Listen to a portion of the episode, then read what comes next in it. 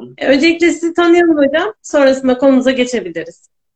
Ee, ben çocuk nörolojisi e, uzmanıyım. Ee, yoğun olarak da gelişimsel nörolojiyle ilgileniyorum. Ee, en temel ilgi alanım da e, otizm spektrum bozukluğu diyebilirim. Bunun e, nörolojik perspektifiyle ve e, nörolojik açıdan tedavi yaklaşımlarıyla e, ilgileniyorum. E, bugün de birazcık e, nörologlar e, tedavi için ne yapıyor e, onu anlatmak istiyorum. Pek e, ülkemizde e, açıkçası benden başka otizmle ilgilenen çocuk nöroloğu, yok şu an için. E, çünkü birazcık interdisipliner bir alan. E, dolayısıyla da e, kendi klinik yaklaşımınızı e, geliştirebilmeniz için birazcık böyle e, ana yoldan dışarı çıkıp alternatif bakış açılarını da e, geliştirebilmeniz gerekiyor.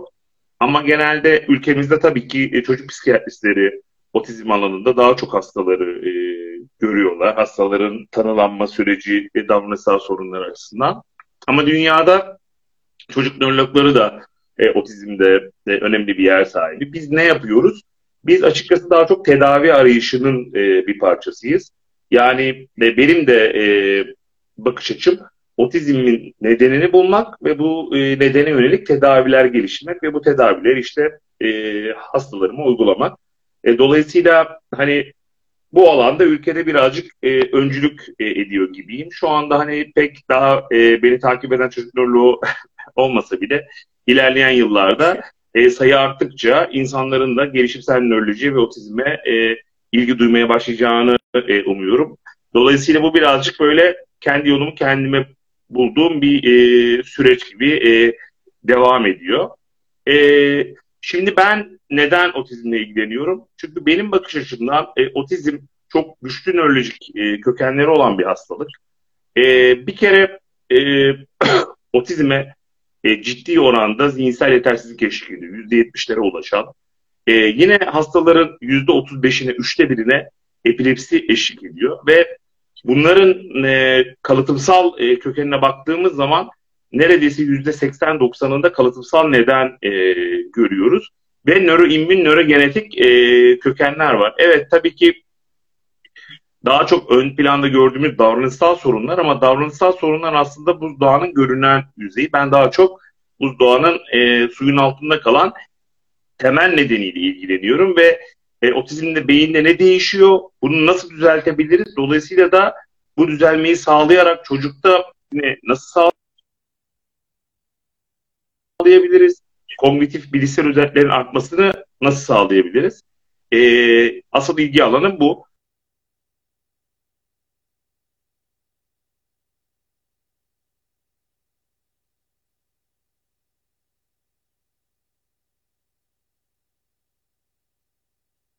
Tanı aldıktan sonra e, optimal e, dil geliştirerek, sosyal etkileşimlerini sürdürerek e, hayata dahil olabiliyorlar. Ama geriye kalan grup e, otizm spektrum bozukluğu içinde kalıyor. Dolayısıyla bu çocukların tabii ki spektrumdan tamamen kurtulması mümkün olmasa bile belirtilerin azaltılması ve e, bilişsel özelliklerin arttırılarak e, hayata dahil edilmesi, meslek sahibi olunması için bazı tıbbi tedavilerin özel eğitim ve eğitim süreçlerinin içine dahil olması e, gerekiyor.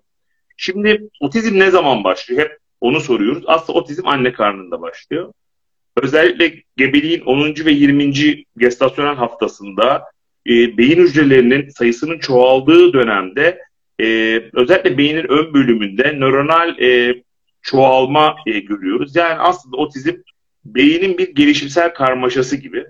Otizmde bir beyni kestiğiniz zaman otizmin zarı dediğimiz yani beynin zarı dediğimiz korteks tabakasının özellikle beynin ön tarafında ki bu e, işleyici fonksiyonlar, e, sosyal davranışlar, temporal bölgede bu e, duysal e, entegrasyonla ilgili bölge ve e, duygusal regülasyonla ilgili olan da simülat cirusun arka tarafında e, kalınlaşmalar e, görüyoruz. Ve bizde bir kortikal düzen var. Yani beyin hücreleri altı katlı bir apartman yapısı şeklinde e, diziliyorlar. E, otizmli çocukların yapılan e, otopsi çalışmalarında bu altı katlı e, apartman düzeninin bozulduğu E, dolayısıyla e, otizmde beyin hücrelerinin e, iyi e, yerleşemediği bizim displezi dediğimiz kortikal displezi veya beyin korteksinin yanlış gelişmesi dediğimiz nörolojik bir hastalığın belirtilerini gösteriyor. Aslında bizim için yani nörologlar olarak otizm bir kortikal displezi yani beyin hücrelerinin yanlış organize e, edilmiş olması. Bu da şu, şu çok e, neyi getiriyor? Epilepsiyi getiriyor.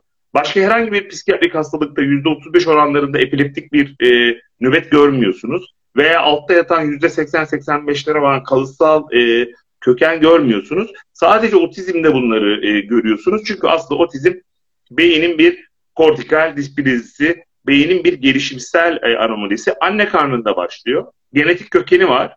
E, birkaç teori var bunlarla ilgili olarak. Deniyor ki işte beyin hücreleri nöronlar olduğu gibi beynin e, polis ekipleri diyelim asayişini sağlayan glial hücreler var. Hem asayişini hem de beyin hücrelerinin ürettiği bazı kimyasal atıkları temizleyen glial ve astrostik hücreler. Bunlarla nöronların etkileşiminin bozulduğunu biliyoruz. Bunlar bir yapı içinde e, çalışıyor ve nöronların etrafında bu milikolon denen yapılar var. Bunlar böyle şöyle düşünelim. E, apartmanların bloklar halinde olduğunu ve aradan yollar geçtiğini düşünün. Böyle ada deniyor ya adalar. Adaların etrafında yollar. Otizmli çocuklarda bu adalar etrafındaki yollar o kadar dar ki bu yollardan arabalar geçemiyor. İnsanlar apartmanlara bu adalara sürünerek geçiyorlar. Dolayısıyla ne oluyor? Bir adadaki sinirsel, elektriksel faaliyet diğer adaya sıçrayabiliyor. Dolayısıyla beyinde bir elektriksel e, kaos, bir karmaşaya e, yol açan bir yapı. İşte bu birçok e, otizmli ebeveynin de okuduğu, bildiği işte bu GABAerjik yetersizlik. Aslında GABA, GABAerjik demek, GABAlar demek. İşte bu apartmanlar, o bloklar arasındaki yollar. Dolayısıyla sinir hücrelerinin faaliyetlerini tek başına izole olarak görebilmesi ve diğer adadaki sinir hücrelerinden etkilenmeden yani mesela işte oksipital görsel bir uyarı alıyorsunuz ve o e, sinir hücresi kırmızıyla ilgileniyor. O kırmızı görülen yerleri haritalandırıyor. Ama mavi görülen yerlerle arasında bir elektriksel e, etkileşim olursa çocuk mesela işte bu görsel e, algıyı tam yerleştiremiyor. Bu daha çok hani işitsel süreçler için otizmde e, görebiliyoruz. Bir bunu görüyoruz. Bir de tabii bağlantılı olması gerekiyor beynin. Yani beyninizde bir görsel uyarıyı işitsel uyarıyla birleştirmeniz gerekiyor.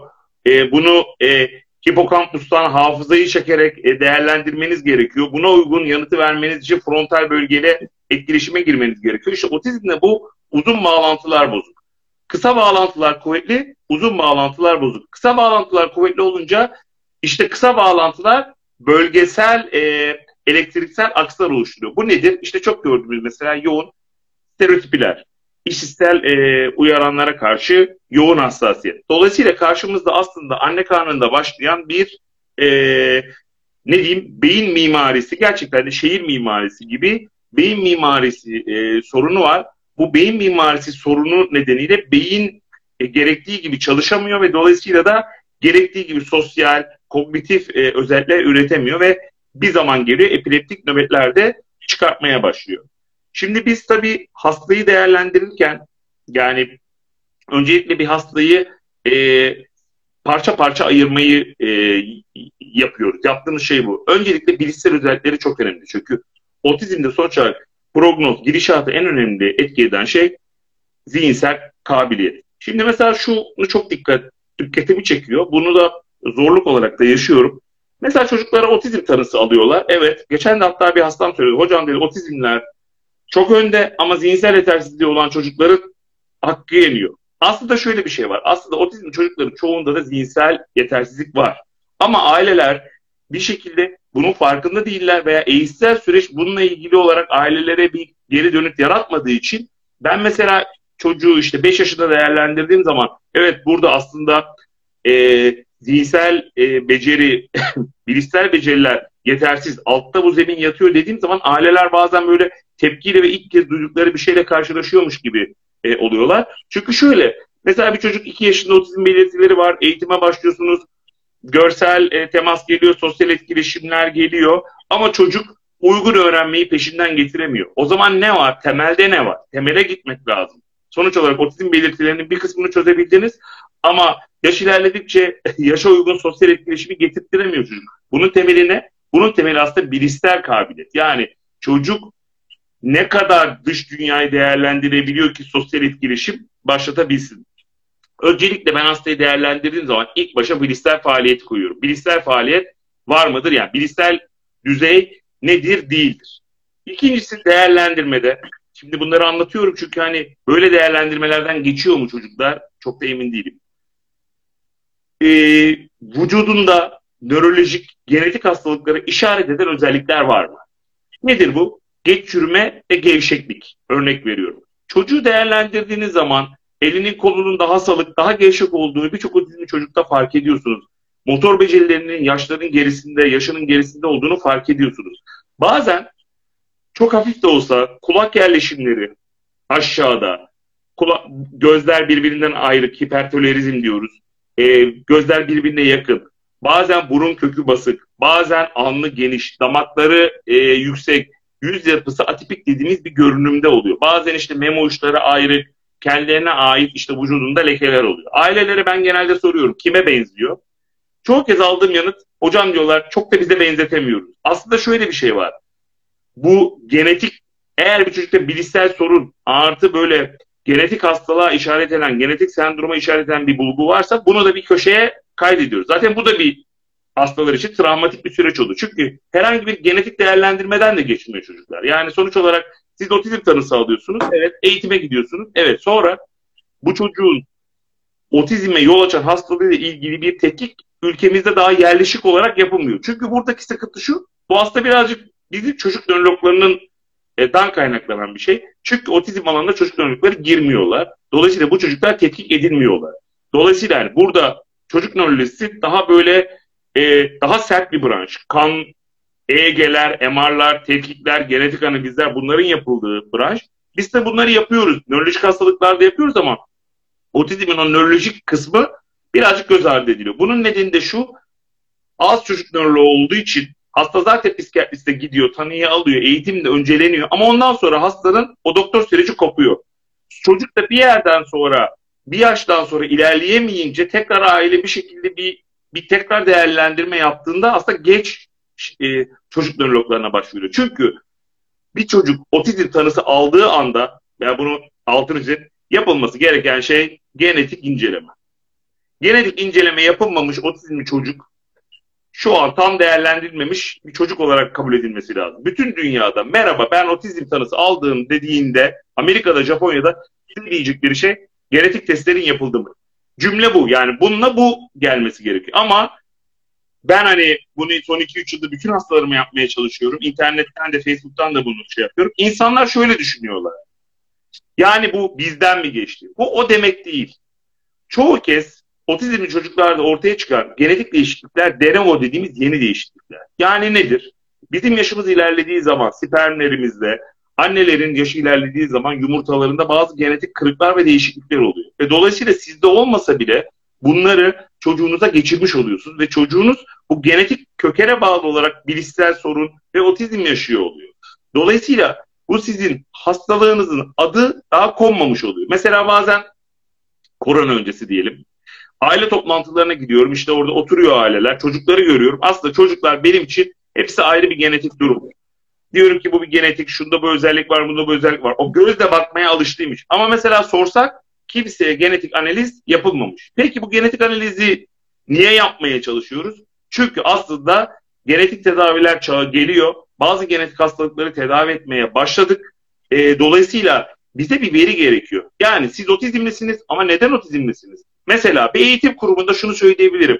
Bir eğitim kurumunda 10 tane otizmli çocuğun Onunun da tanısı farklı. Evet hepsi otizmli ama bunlara yol açan hastalık farklı. Dolayısıyla biz her hastaya aynı muameleyi yapıyoruz.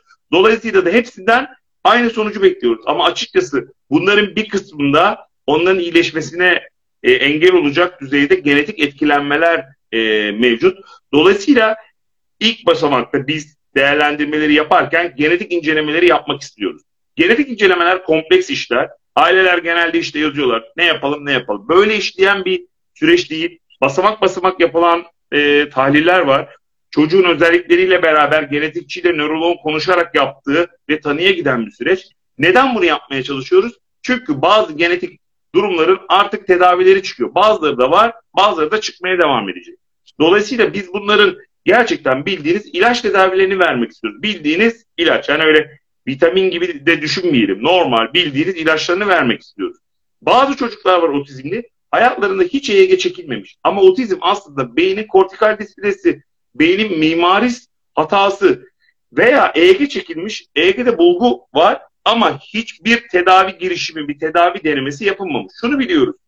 Otizmli çocukların yüzde 60'ında uzun süreli tüm gece uyuyarak çekilen EEG'lerde EEG'de bulgu oluyor. Ve bu çocukların bir kısmı epileptik epileptik nöbetleri olmasa dahi epilepsi ilaç tedavileriyle kognitif ve sosyal olarak ilerleyebiliyorlar. Dolayısıyla bu çocukları bu tedavi şanslarını değerlendirilmesi gerekiyor. Ama şu var tabii ki ben de görüyorum. Hasta gitmiş başka benim bir çocuk nörolojisi meslektaşıma EEG'de bulgu saptanmış, nöbeti olmadığı için tedavi edilmemiş. Bu aslında doğru bir yaklaşım değil. Çünkü sonuç olarak şu var. Otizm nasıl bir hastalık? Aslında çaresiz bir hastalık. Dolayısıyla bulduğunuz her ipucunu tedavi edip bakmaya çalışmanız lazım. Her ipucunu değerlendirip çocuğa bir fayda sağlamaya e, uğraşmanız lazım. Ama tabii bu şöyle bir şey. Bu tedaviyi yapmak ve takip etmekte bu otizme bu bakış açısını e, kazanmakla alakalı. Dolayısıyla şöyle bir şey var. Klasik değil. O, evet klasik çocuklarda normal kognitif olan çocuklarda nöbet yoksa EEG bulgularını tedavi etmiyoruz. Ama zaten çocuk otizmli. Bilişsel sorunu var. Dolayısıyla belki genetik bir durum altında demek ki burada bu elektriksel bulguyu tedavi etmek çocuğa faydalı olabilir. Ne kadarına faydalı olabilir? Kabaca yarısında kognitif ilerleme görüyoruz. Ne kadar? 3-6 ay bir deneme tedavisi bu çocuklara önermek gerekiyor. Yine çocuğu değerlendirirken regresyon hikayesi. Mesela regresyon hikayesi detaylı değerlendiriliyor. Merak ediyorum değerlendiriliyor mu? Çünkü şu var. Regresyon ne demek? Çocuk bir vakte kadar normal gelişim veya normale yakın bir gelişim göstermiş ve 18 aylıktan sonra konuşmasını, sosyal özelliklerini kaybetmiş, kognitif özelliklerini kaybetmiş. Ya bu çocuk demek ki 18 aya kadar normalmiş. Buraya bir şeyler girmiş, bir devreye giren bir şey var. Peki bu ne olabilir? Burada da tabii iki tane e, durum ön plana çıkıyor. İmmün süreçler ve mitokondriyal disfonksiyonlar burada akılda tutulması lazım. Burada mesela şunu yapmak gerekiyor. Ben bunu yapıyorum. Yapılıyor mu bilmiyorum çocuğun gerileme öncesi videoları ve gerileme sonrası videolarını değerlendirerek bu çocuğun otizm, otistik gerileme öncesindeki durumunu değerlendirmek lazım. Bazı hastalarım var. Gerçekten çocuğun otistik ve gerileme öncesinde bilişsel fonksiyonları, sosyal fonksiyonları yaşına oldukça uygun. Dolayısıyla bunlara bazı kurtarıcı immün terapiler yapmak gerekiyor. Yine dediğim gibi vitamin değil bazı ilaçları vermek gerekiyor. Çünkü sonuç olarak şu var. Çocuk 5 yaşına geliyor. Non-verbal, kelimesi yok. Hala sosyal etkileşimi kuramıyor. Hala e, kreşe adapte olamamış. Bu çocuğu bir şekilde kurtarmanız lazım. Çünkü şu var. İş açıkçası 6 yaş, 7 yaşta sabitleniyor. Yani 6 yaşında bir çocuğun kendini ifade edecek kadar bir dili olması, bir eğitim kurumuna adapte olması, sosyal etkileşimini kurmasını bekliyoruz. Ondan sonra işler çok zor. Onun için erken dönemde bazen bu çocuklara bazı tedaviler gerçekten mesela böyle kortizon tedavileri, ilik tedavileri gibi tedaviler var. Son dönemde bu tedavilerle ilgili Amerika'da gerçekten ciddi e, çalışmalar yürütülüyor ve bunlarla ilgili pozitif dönüşler var. Benim de bunlarla ilgili hasta gruplarım var. Ben de eğer bir çocukta regresyonun net emin görüyorsam, bu çocuk evet iyiydi ve geriledi diyorsam, bu çocuğun bir kere bir kere olsun hayatında kortizon tedavi denemesini kullanması gerekiyor. Evet, yan etkiler olabilir. Yan etkiler hiçbir şey yan etkisiz değil ama şunu yapmanız lazım. Sonuç olarak Allah korusun bir çocuğun başına otizmden daha kötü ne gelebilir? Yani ne gelebilir ki zaten? Yani ben aileye mesela daha ne olabilir bir çocuğa? Yani olabilecek zaten en kötü hastalığın hastalıklardan biriyle uğraşıyorsunuz. Dolayısıyla hani bazen şunu da vurgulamak istiyorum. Biz tedavi edici bir kliniğiz. Yani şu açıdan tedavi edici. Yani size bir tane probiyotik verip sizi göndermeyeceğiz. Biz size hedefe yönelik bazı ilaç tedavileri vermek isteyeceğiz. Hani bizim sizi değerlendirmemizi istiyorsanız bazen şöyle oluyor. Hocam biz ilaç istemiyoruz. E, ben doktorum. Yani ne yapmamız gerekiyor? Biz size ilaç vermek için buradayız. Bu değerlendirmeyi yapmak için e, buradayız. Dolayısıyla ailelerin birazcık e, tedavilere açık olması gerekiyor. Özellikle eğitim başladı çocuk. bir sene eğitimde kaldı ve istenen sonucu alamıyorsak, çocuk evet bir yerde takılıyorsa, evet bu çocuğun artık o zaman nörolojik değerlendirme zamanı gelmişti. 3 yaş, 3,5 yaş. Çok geç kalmamak gerekiyor. Genetik tetkikleri de yapmak gerekiyor. Neden genetik tetkikleri yapmak gerekiyor? Örnek veriyorum. Fragilix hastalığı erkek e, zihinsel yetersizliğin en sık nedeni. Toplumda yüzde iki deniyor. İşte kepçe kulak, kaba yüz görünümü, uzun boyla belirgin. Hatta aileler, dayılarda da belirtiler olabiliyor. Bu çocuklarla ilgili son dönemde 2019 yılında yayınlanan bir çalışmayla 2-7 yaş arasındaki çocuklara 9 tane çocuğa e, metformin denilen bir e, ilaç tedavisi verdiler ve bu çocukların zekasının yükseldiğini gördüler. Ben de son işte bu 2019'dan beri benim de 7 tane hastam var. Bir hastamla e, teması koparken pandemi nedeniyle durumunu bilmiyorum ama 6 hasta tedavide ve kognitif olarak fayda görüyor. Bir de işin ilginci ilk çalışmadan önceki çalışmada biri 28, biri 35 yaşındaydı yanlış hatırlamıyorsam. iki tane erişkine verdiler bir yıl boyunca bu metformin tedavisi ve IQ puanları 6 ile 8 puan arttı. Yani zeka puanının 6 ile 8 puan arttığını düşün. Yani zaten belki kognitif puanı 55-60'tı. Zekanızı %10 arttırabilecek 25 yaşında bir ilaç var. Fragilix tanısı alırsanız. Yine başka genetik durumlar var. Genetik tetkikler bize ne sağlıyor? Hastalığın nerede oluştuğunu, nereyi vurduğunu biliyoruz. Mesela şank mutasyonu diye benim hastalarım var. Görüyorum şank mutasyonlarını. Şank mutasyonu sinaps denen sinirlerin birbirine değdiği e, noktadaki bir e, kanca proteini. Sinirleri birbirine tutan protein. Eğer bu proteininiz azsa sinirler birbirine efektif tutulmuyor. Dolayısıyla da birbirleriyle iyi haberleşmiyorlar. Son dönemde burundan insülin tedavisi denen bir tedavi uygulanmaya başlıyor. Biz de bunu uyguluyoruz. Bu şanklarda e, kognitif beceriler, motor becerilerinde ilerleme gösteriliyor. Yine lityum dediğimiz bir ilacın şank proteininin daha çok sentezlenmesine sağladığına dair çalışmalar var. Yine çinkonun bu sinaptik yapıyı güçlendirdiğine dair bir çalışma var.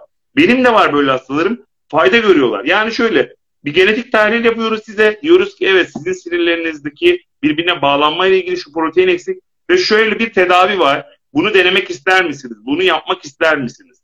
Bu sadece e, şey değil. Bir de bunun ötesi genetik tedaviler gelecek.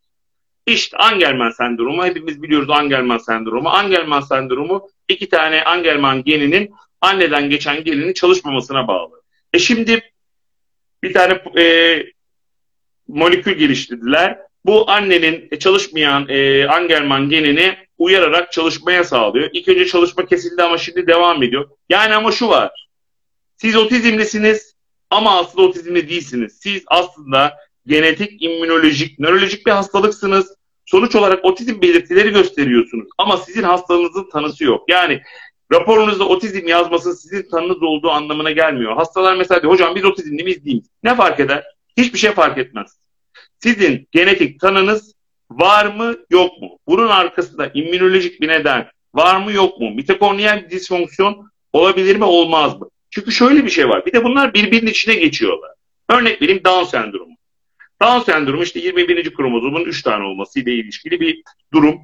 Son dönemde çalışmalar gösteriyor ki Down sendromlarında mitokondriyal disfonksiyon oluyor. Mitokondriler doğru çalışmıyor. Dolayısıyla bazı mitokondriyal destek ilaçlarının, vitamin bunlar, bunları vitamin diyebiliriz. Bunlarda kognitif e, kapasiteyi arttırabileceği gösterildi, gösteriliyor da böyle çalışmalar peşindeyiz. Yani şöyle, ayrıca mesela Down sendromlular immün e, süreçlere e, tiroid antikorlarına bağlı Hashimoto ensefalopatisi dediğimiz bir tabloya daha yatkınlar. Yani şu var. Aslında siz anne karnından otizm genetiğiyle doğuyorsunuz. Yolda yürürken, hayatınızda ilerlerken bir enfeksiyon, bir şey sizde bir ikinci vuruş yapıyor ve otizme doğru sizi e, kaydırıyor. Biz bazen genetiği tam tedavi edemesek de o ikinci vuruşun etkisini ortadan kaldırmaya çalışabiliriz. Böyle tedaviler uygulayabiliriz. Ama tabii bu çocuklar için bazı yaşlarda bunların yapılması gerekiyor. 10 yaşında, 12 yaşında, 14 yaşında işler daha zor. Geriye dönmesi çok çok daha zor. Burada tabii ki tam bir otizm tedavisinden bahsetmiyorum. Burada sonuç olarak çocuğun kognitif özelliklerini arttırmak, dilini arttırmak, alıcı dilini arttırmak, sosyalleşmesini arttırmak. Zaten nörologlar da bunlarla ilgili çalışıyor. Yani bizim çocuk psikiyatrisindeki farkımız yani tamam evet ben de risperderle yazıyorum. Risperderle de karşı değilim. Hani ilaçlara hiç karşı değilim. Ama şu var. Asıl da bizim hedefimiz bu hastalığın kökenini bulup kökenini tedavi etmeye çalışmak.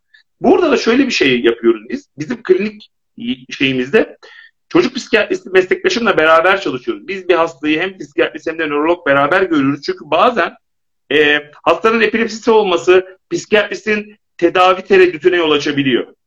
Yani aslında vermek istediği bir ilacı epilepsiyi tetikleyebileceği nedenden vermiyor. O zaman işte bir nöroloğun onu tedavi edip psikiyatriste e, alanı açması gerekiyor. Veya çocuk bazen çok hareketli oluyor, çok davranış sorunu oluyor. Siz orada bir, bir şey bir tedavi uygulayacaksınız ama şunu biliyorsunuz bu tedavinin yani ailesi şunu diyemeyecek. Evet hocam kelimelerde artış oldu. Al 3 ay kullandık 3-4 kelimemizde artış. Bu o kadar çok davranış sorunu içinde sizin verdiğiniz tedavi kaybolup gidecek. Onun için bazen diyorsunuz ki psikiyatriste ekibimizde böyle bir çalışma sistemi var. Önce davranış sorunlarını çözelim. Ondan sonra kognitif destek tedavisini hazır hale getirelim hastayı. Ondan sonra kognitif desteğini vererek bu şekilde kombine hastayı takip etmek gerekiyor. Yani aslında bu alanda e, bu özel eğitim alanında da öyle. Ergoterapi, özel eğitim, işte çocuk gelişimciler, beden eğitimciler, müzik terapileri, sanat terapileri. Aslında otizm zor bir hastalık. Bir ekibe ihtiyaç var. Bazen biz özellikle zor hastalık, zor ileri yaştaki otizmleri, davranış sorunlarını da değerlendiren e, bir kliniğiz. Hem benim bu alandaki tecrübem hem de bizim psikiyatristimizin bu alandaki tecrübesi nedeniyle bazen beraber kombine bir tedavi düşüncesi, bir stratejisi üretmek zorunda kalıyorsun. Çünkü bazen bir çocuk gerçekten bir doktor işin fazla zor olabiliyor. Bir de şu var. Çocuk psikiyatrisinden bahsetmişken nasıl her nörolog, her nörolog değil hiçbir nörolog şu an çocuk nöroloğu benim haricimde ilgilenmiyor otizmle ama her e, çocuk psikiyatrisi otizm bakıyor gözükse de aslında her çocuk psikiyatrisi otizmle ilgilenmiyor. Yani dikkat eksikliğiyle ilgileniyor, okul sorunlarıyla ilgileniyor. Otizm daha organik, daha çok ilaç tedavisi gerektiren ve başarı oranlarının daha düşük olduğu bir branş. Yani bu alanda biraz e, tecrübe birikiminiz olması lazım. Bu çocuklarla e, feedbackle çalışmanız lazım. Yani şöyle, devlet hastanesi şartlarında bir çocuğa verdiğiniz ilacın ona yan etki yapıp yapmadığını o kadar hızlı şekilde geri dönüş yapamıyorsunuz. Sonuçta bir ilaç veriyorsunuz. Ben de devlet hastanesinde çalıştım. Devlet hastanesinde çalışırken şöyle bir şey vardı. Herkes %100 başarıyla çalışıyor. Çünkü şöyle ilacı veriyorsunuz. Hasta ise geliyor size. Sizden memnun değilse zaten başka doktora gidiyor. Siz de düşünüyorsunuz ki ben her verdiğim epilepsi için örnek veriyorum. Her verdiğim ilaç başarılı. Ama özel sektöre geçtiğiniz zaman hastalarla WhatsApp üzerinden geri dönüşü açtığınız zaman bakıyorsunuz ki aslında öyle hayat öyle değil. Hayat öyle akmıyor her hastaya her yaptığınız tedavi e, etkili olmuyor. Dolayısıyla otizmli çocuklar da özellikle zor bir grup. Zaten hani her hastayı iyileştirebileceğiz, her hastanın e, yaşam becerisini, kognitif becerisini arttıracağız, otizm belirtilerini gerileyebileceğiz diye bir iddiada da değilim zaten. Böyle bir iddiada olmak da biraz fazla bir yani megalomani içinde olmak gerekir. Ama bazı çocukların doğru yaklaşımla semptomlarını azaltabilir, hayat kalitesini yükseltebiliriz. Burada doğru psikiyatrik ilacın, doğru nörolojik ilacın beraber kombine edilmesinin de bir şeyi var. Bazen de aileyi ikna etmeniz gerekiyor. Yani bastırmanız gerekiyor. Yani şöyle, yani aile geliyor size çok yoğun davranış sorunu var ve diyor ki ben risperder istemiyorum. Atıyorum. Örnek veriyorum bir ilaç. Risperder fobi var zaten. Hiç kimse risperder kullanmak istemiyor. Ama şu var. O çocuk o davranış sorunları nedeniyle eğitime hiç katılamıyor. Yaşam becerileri çok geride kalıyor. Bunu ikna etmeniz lazım. Buna baskı yapmanız lazım. Bunu yönlendirmeniz lazım. Bu şeyi e, e, peşine düşmeniz gerekiyor bazen. Bazen de hastayı kaybedebiliyorsunuz. Evet yani bu ihtiyacı ona söyleyip bu ilaç ihtiyacını ona söylüyorsunuz. Bazen ben bunu söylüyorum. Belki ben onu kaybediyorum o an ama belki o başka bir hekimden gidip e, ilaç yardımı isteyecek ve çocuğun e, fonksiyonlarını arttıracağız. Mesela yani şu risperder üzerinde konuşmak gerekirse bence iyi bir ilaç. Şöyle bir şey var. Şöyle düşünmek lazım. Çocuğun davranış sorunu var. Verelim, fayda et. Ben hep böyle söylüyorum. Verelim, fayda ederse tutalım, bir işe yaramazsa keselim. Buradayız. Yani biz telefonun ucundayız. Size zorla bir ilaç vermek istemiyoruz. Ama sonuç olarak çocuğun bir ilaca ihtiyacı olduğunu özel eğitimcisi bize bildiriyor. Hocam diyor dikkat sorunu var, davranış sorunu var, eğitime katılmıyor, işte eğitime girmek istemiyor. Annesi diyor saçımı çekiyor, beslenme sorunu var, gıda seçiciliği var. Var var var. Ama bizden ne istiyorsunuz? Biz de doktoruz. Size bunlar için bazı ilaçlar vermemiz lazım. Ben bu fobiyi, mesela bu ilaç fobisini şöyle görüyorum. Eğer hasta başlar ve fayda görürse çoğu hasta risperdeli kesmiyor. Veya kesme çalışmaları esnasında, evet kesme çalışmaları da yapmaya çalışan hastalarımız var. Arada dozu azaltalım. Onlara saygı duyuyorum. Sonuç olarak şöyle, biz doktoruz, size öneri veririz. Çocuğun da sonuç olarak velisi sizsiniz, tedaviye de siz karar veriyorsunuz. Bu hani öyle bir şey, sizi zorlayacak değiliz. Ama genelde şunu görüyoruz, kesme çalışmaları esnasında da onlar da görüyorlar. Diyorlar ki hocam evet haklısınız. Dozu düşürdüğümüz zaman çocuğun davranış sorunları ortaya çıkıyor. Ne zamana kadar? Ne fark eder? Önemli olan çocuk yaşam becerisi kazansın, toplumun içine girsin. Oraya çok takılmamak lazım. Yani burada şöyle bir şey var. Otizm zaten beter bir hastalık. Onu kandıralım, çocuğu yaşamın içine kazandıralım. Davranış sorunlarını büyümeden e, çözelim ve bu çocuklara e, nörolojik tetkiklerini yapıp kognitif tedavilerini, genetik tedavilerini yapalım. Yani böyle e, kendimizi bir romantik çerçeve içinde e, görmemek lazım. Yani otizmin e, zor bir hastalık olduğunun bilincinde olmak gerekiyor ve bunları tedavi etmeye yönelik hareketlere de birazcık e, açık olmak gerekiyor. Sonuç olarak sadece probiyotik vererek işte çocuğa e, sağlıklı gıdalar vererek çocuğun iyileşmesini ummak birazcık fazla romantizm gibi geliyor. O zaman şöyle diyorum ben de bir sürü tombik erkek çocuk var. Çikolatacılar. Etrafta koşturuyor bu çikolatacılar. Çikolataları yiyip yiyip duruyorlar. Hepsi de çok sosyal, çok mutlu. Canavar gibi de hayatlarını sürdürüyorlar. Neden bu çikolatacılar hiçbir şey otizm olmuyor? Ama bizim gariban otizmli çocukların bir tane çikolata yemesine izin verilmiyor. Bütün olay o çikolataymış gibi çikolatanın etrafında dönen bir şey. Otizm beynin bir hastalığı. Sonuç olarak evet bazı hastalarda bağırsak sorunları olabilir. Yani bağırsak sorunları önemsiyor muyum? Evet önemsiyorum. Şundan önemsiyorum sürekli kabızlığınız varsa ve bunu ifade edemiyorsanız, bilişsel kapasiteniz zorsa, e, duygularınızı kontrol edemiyorsunuz, regülasyon sorunlarınız varsa evet bu bağırsak sorunları sizin için sorun yaratabilir.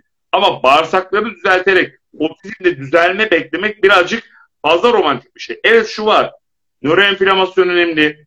Bağırsaklar, düzelmemiş bağırsaklar nöroenflamasyon için bir kaynak olabilir. Evet çocukta kabızlık varsa bunu çözmek, diyetini regüle etmek önemli. Ama çocuğun eğitimini, her şeyi iyi giden bir çocuğu diyete alıp ben sana o çikolatayı vermeyeceğim diye davranış sorunu haline getirmenin bir anlamı yok. Tabii ki pekiştireç olarak şeker verilmesine karşıyım. Hani öyle şeyler, gıda pekiştireçlerini desteklemiyorum ama şu var, burada şu var, beslenmeye o kadar da önem vermiyorum. Öyle bir şey olduğunu da düşünmüyorum. Çünkü zaten şunu göstermişler. Beslenme ne zaman önemli?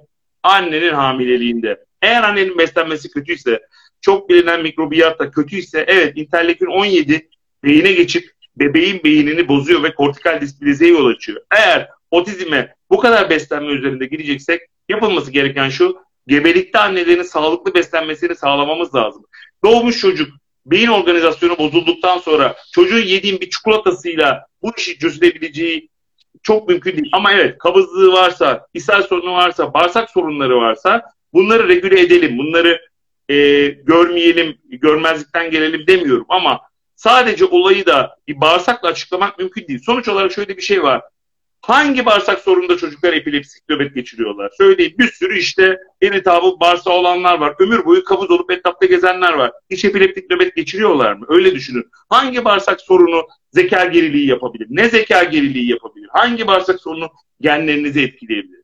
İkiz çalışmalarını yapmışlar. 1977'de zaten farkına varmışlar ki tek yumurta ikizlerinin yüzde seksen aynı genetik yapıyı sağlıyorsanız çevresel faktör yüzde yirmi. Otizm aslında bir genetik e, hastalık ve bu genetik hastalığın üstüne binen bazı çevresel faktörlerle şekilleniyor. Dolayısıyla öncelikle genetik nedeni bulmamız lazım ki tedavi gelsin. Yani şöyle diyelim ki A geni, çocukta A geni bozuk ve Amerika'da bir adam A geniyle ilgili bir ilaç verdiğini ve bu ilacın aslında ulaşılabilir bir ilaç olduğunu bildirdi bize. Ve biz de onu tedavi edebiliriz. Ama eğer çocuğun A geninin bozuk olduğunu bilirsek, eğer bu çocuğa genetik tetkik yapılmazsa otizm, otizm, otizm diye hiçbir zaman tedavi şansı olmaz. Bunun bir ötesi 5 sene sonra o A genini bir tane virüsün içine atacaklar. Nasıl Biontech aşısını genetik yöntemlerle yaptılar. Biontech aşısı genetik aşı. Genetik tedaviler çağının dibindeyiz. İşte Uğur Şahinler ileride emesi, kanseri, belki de ileride otizmde Uğur Şahin'in bir tane e, şu genetik için bir tane aşısı çıkacak. Ama hangi gen? Sizde hangi gen var?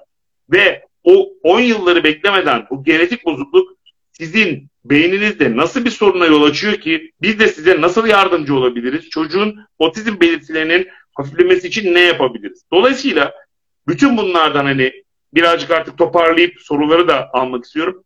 Bir otizmli çocuğa yapılmazsa yanlış olan şey hiçbir şey yapmaya gerek yok. Bir diyet önce genetik tetkikleri sonuna kadar e, gerekli hekimlerin beraber organize olarak yapıldığı tam bir genetik incelemenin sonlandırılması e, gerekiyor. Bundan korkmayın. Bu çoğu kez sizden geçen genler değil. Siz çocuğu otizm yapmıyorsunuz. Bu sizin spermenizdeki yumurtadaki bozulmaya bağlı genetik değişiklikler çoğu kez. Dolayısıyla bunu bilmek bize çocuğu tedavi etmek üzerine bir ipucu veriyor. Hep biz ipucu peşindeyiz. Yani siz nasıl çocuk kabız, mesela kabız diye düşünüyorsunuz. Düşünüyorsunuz bu çocuk çok kabız. Evet bu kabızlık otizm yapar. Aslında öyle değil. Şu var. Nasıl beyinde organizasyon bozukluğu varsa e, diğer sinir hücreleri de bağırsakların etrafında var. Bağırsaklar da işte ikinci beyin denmesinin neden, nedeni bu daha çok sinir hücresine sahip olması. Bağırsakların etrafındaki sinir hücrelerinde organizasyonu bozuluyor. Doğru çalışmadıkları için dolayısıyla beyin bozuk olduğunda bağırsaklar bozuk oluyor. Aslında mekanizma hep anlatıldığı gibi bağırsaklardan beyine değil, beyinden bağırsaklara doğru gidiyor. Ama evet, bağırsaklar bozuk olduğunda evet o nöroenflamasyonu arttıran ikinci faktör olarak devreye girebilir. Onları düzeltmek gerekiyor ama olaya şöyle bakın. Hastalık beyinde, evet bağırsaklar da beyinle ilişkili bir organ olduğu için motiliteleri, hareketlilikleri bozuluyor. Dolayısıyla biz bu gastrointestinal yakınmaları yaşıyoruz. Bunları tedavi etmeliyiz? Evet etmeliyiz. Ama bunları tedavi etmek bazı çocuklarda, ciddi sorun olan çocuklarda evet çocuk rahatladığı için bazı sosyal, kognitif özelliklerde pozitif etkisi olabilir. Nöroenflamasyonu bastırmakta pozitif etkisi olabilir ama bağırsaklardan gelecek bir otizm tedavisi bulunamayacak. Böyle bir şey olmayacak. Otizm tedavisi iki yerden gelebilir. Ya nörolojik tedaviler ya da immün kökenli tedavileri e, bulacağız. Ve bu çocuklarda beyinde giden immün süreçlerle ilgili markerlar, işte interleukin artı, TNF alfa arttığı biliyoruz. Bunları daha rutin çalışıp bu çocuklara erken dönemde immün terapiler yapacağız. Ya da bu çocukların genlerini bulacağız. Bu genlere yönelik ya mekanizma yani elimizde olan ilaçları mekanizmalara uygun olarak e, kullanacağız. Ya da bunların genetik tedavilerini bulacağız. Otizme gelecek tedaviler buradan gelecek. Ama bu çocukların bu e, işle ilgili olarak bir değerlendirmeleri gerekiyor. Çünkü sonuç olarak şu var. Ben her otizmli çocuk nörolojik genetik değerlendirmeye tabi olsun demiyorum. Ama şunu diyorum. Bir yıl özel eğitim aldınız ve toparlamıyorsunuz. Hala spektrumun içindesiniz. Ya da spektrumun dışına çıkarken bilişsel faaliyetleriniz o kadar iyi gelmiyor. Yani şunu da e, yanlış anlamasınlar. Mesela özel eğitim hocalarımız diyor ki işte Ahmet iyi bir öğrenci. Bu Ahmet'in zekasının normal olduğu anlamına gelmez. Bu yanlış anlaşılıyor aileler tarafından. Ahmet iyi, benim çalıştığım öğrenciler arasında iyi. Normal çocuklarla karşılaştırmalı bir cümle değil bu. Genelde de ben bunu gel- söylediğimde evet diyorum.